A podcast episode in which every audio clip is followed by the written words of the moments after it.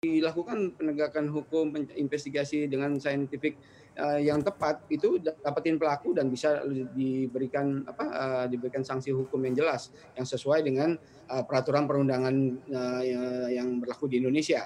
Jadi walaupun misalnya nih ada pelakunya dari luar negeri, warga negara asing dan melakukan peretasannya dari luar Indonesia, dia tetap bisa dikenakan sanksi hukum dan kita pernah apa uh, pengalaman membantu penegak hukum menangkap kasus serupa itu uh, pelakunya bisa dibawa ke Indonesia untuk diadili di Indonesia karena sesuai dengan undang-undang ITE di Indonesia uh, yang penting target atau korbannya itu adalah entitas di Indonesia atau individu Indonesia itu dapat diberikan sanksi hukum yang sesuai dengan undang-undang yang berlaku di Indonesia yaitu undang-undang ITE. Hmm. Kalau dilihat kan eh, sebenarnya dari sisi Tokopedia sendiri belum melakukan eh, pelaporan. Apa ini memang karena peretasannya hanya sebatas data begitu ya, belum sampai ke akun uh, perbankan atau mungkin data kartu kredit dan lain-lain ataukah seperti apa? Nah, ini sebenarnya juga uh, apakah ada tahapan tertentu sebenarnya peretasan sehingga baru akan bisa dilaporkan kemudian dilakukan investigasi nih Pak Ruby? Biasanya gini, kita kalau ngomong eh, kasus-kasus seperti ini nih, apalagi untuk bisnis yang ekonomi yang terkait dengan uh, kepercayaan pelanggan, biasanya mereka cukup hati-hati untuk melaporkan sebuah kasus ke penegak hukum. Karena apa? Mereka sangat percaya dengan penegak hukum, tapi uh, mereka takut dampak-dampak lainnya, misalnya uh, pemberitaannya secara terus-menerus membuat kerugian mereka.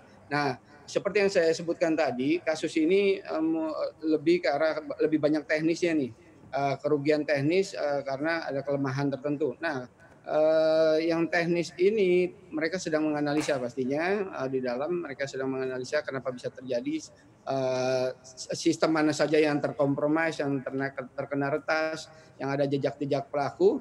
Nanti kalau sudah ditentukan mereka uh, kerugiannya uh, seperti apa, lalu mau menindaklanjuti ke penegak hukum, pasti mereka akan uh, mudah untuk melakukan pelaporan ke penegak hukum dengan bawa bukti-bukti uh, digital yang mereka temukan sebagai bukti petunjuk atau bukti permulaan. Nah, bukti-bukti permulaan ataupun petunjuk itu pasti ada uh, di sistem mereka. Nah, kita tinggal tunggu uh, dari pihak mereka apakah mereka mau melakukan pelaporan tersebut ke penegak hukum.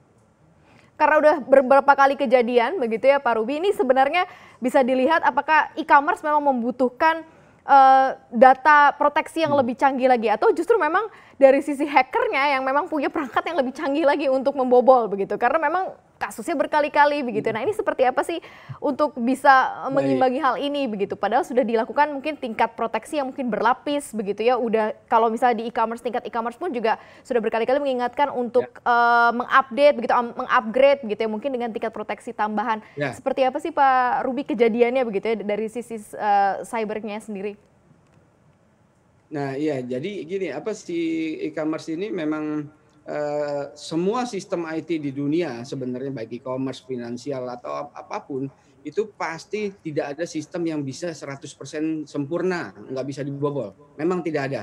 Tetapi yang mereka bisa lakukan adalah selalu meningkatkan uh, pengamanannya dan melakukan pencegahan dini ataupun melakukan pendeteksian dini sehingga bila ada tanda-tanda mau terjadi insiden atau insiden sedang berlangsung itu mereka segera bisa melakukan uh, mitigasi dan meminimalkan resiko.